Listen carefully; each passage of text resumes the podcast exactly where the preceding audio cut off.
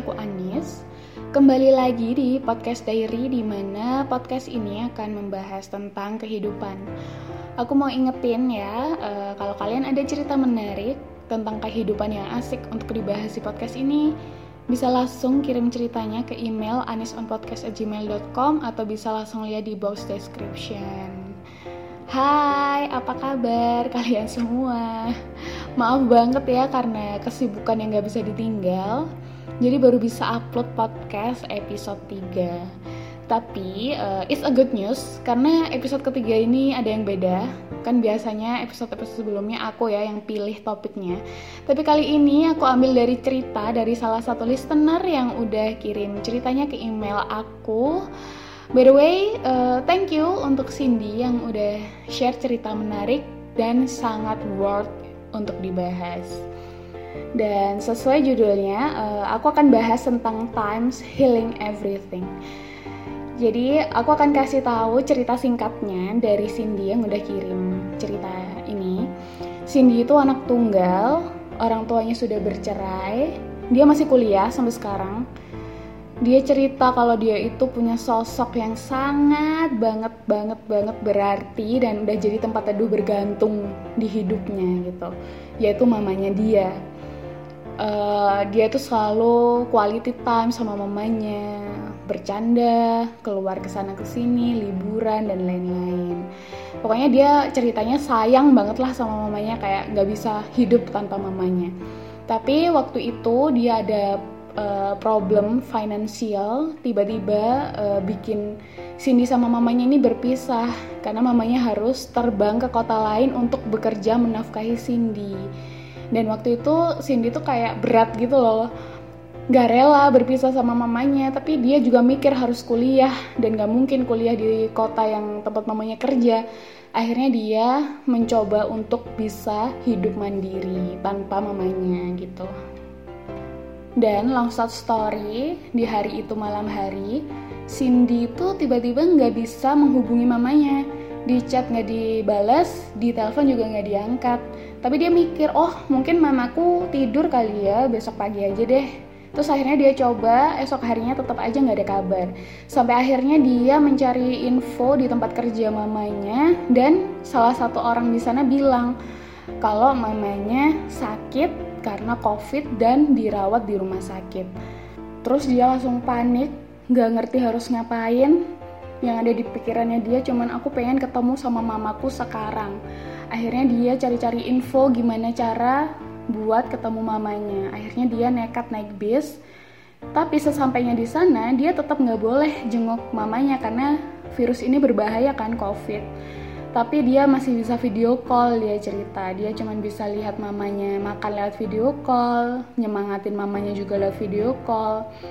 Terus nggak lama kemudian eh, tiga minggu dirawat, mamanya bukan tambah membaik, kondisinya malah tambah ngedrop. Dan ada masa di mana mamanya nggak sadarkan diri tiga hari, dan setelah tiga hari itu mamanya nggak berumur panjang.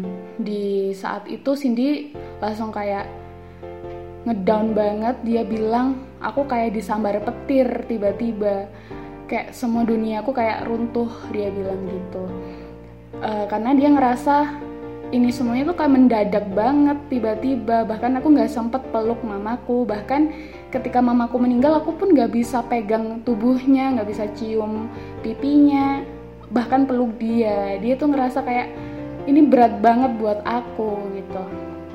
Dan ada juga fase di mana Cindy merasakan double kesedihan ketika udah kehilangan mamanya.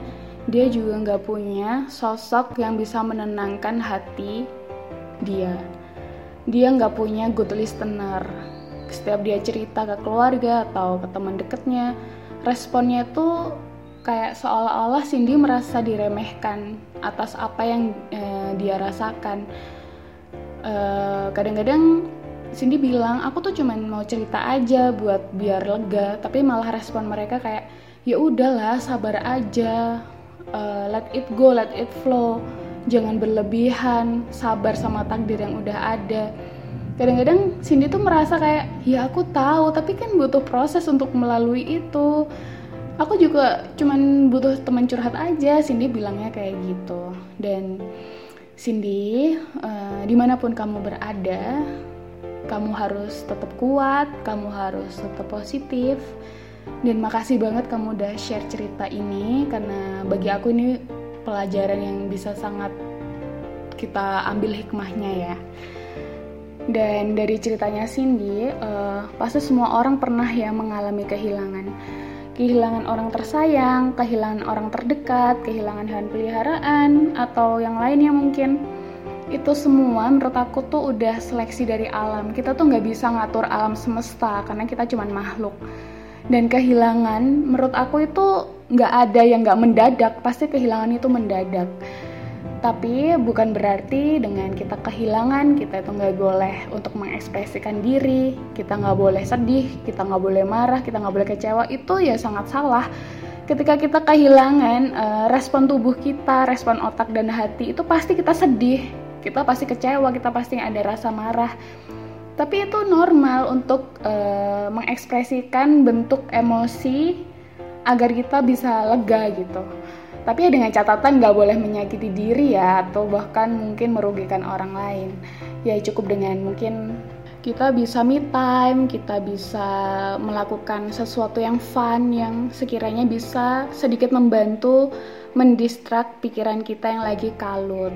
Dan aku yakin uh, semua orang atau setiap orang itu punya cara masing-masing untuk me time gitu. Dan aku mau bilang juga, kemampuan orang itu berbeda-beda ya dalam menyelesaikan emosi dalam dirinya. Gak bisa kita sama ratakan gitu aja. Kayak mungkin si A bisa survive dalam satu hari, si B satu bulan, atau si C 2 sampai 3 tahun. Kita kan gak pernah ngerti uh, apa yang dia rasakan secara in person gitu kadang orang lain itu kalau tahu kisah seseorang itu memang kadang-kadang mudah ya untuk ngejudge. Apa sih? Jangan berlebihan. Let it flow aja. Hidup cuma sekali. Atau rugi kalau hidup cuma buat sedih terus. Ya kalau dipikir-pikir siapa sih yang pengen dapat masalah? Siapa juga yang nggak mau let it flow? Siapa juga yang nggak mau ikhlas? Tapi kan we are human. Kita nggak bisa apa ya semerta-merta ngejudge kamu gini kamu gitu. Nggak bisa kita aja nih setiap hari kan berantem sama otak dan hati untuk menghentikan biar tetap terus positif. Ya nggak sih? Kita tuh setiap harinya tuh kayak mencoba apa ya mengkoneksikan hati dan pikiran kita untuk tetap positif dan tetap produktif. Dan pastinya untuk melakukan itu juga butuh apa ya rentan waktu butuh proses. Dan pastinya kita semua itu pasti pengen yang terbaik untuk kehidupan kita. Jadi aku berharap dengan adanya cerita Cindy ini kita bisa sama-sama lebih bijak uh, ketika ada orang lain pengen cerita ke kita.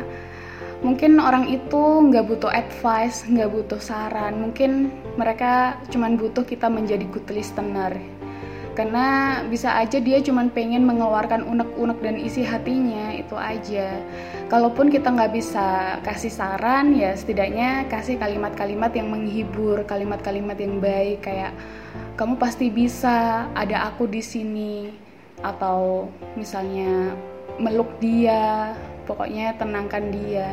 Karena kita nggak pernah ngerti ya gimana sih proses dia melalui masalah itu gimana dia udah mencoba survive tapi gagal dan ketika dia sudah membuka mulut untuk cerita kepada kita berarti itu udah critical moment.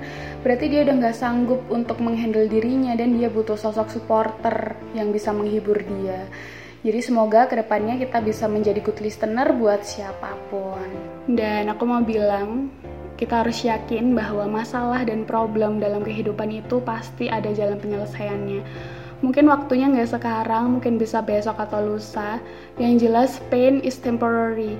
Biarin waktu yang menghiling ini semua kita harus tetap senantiasa berusaha untuk tetap terus berjalan walaupun itu merangkak. Yang penting ada progres.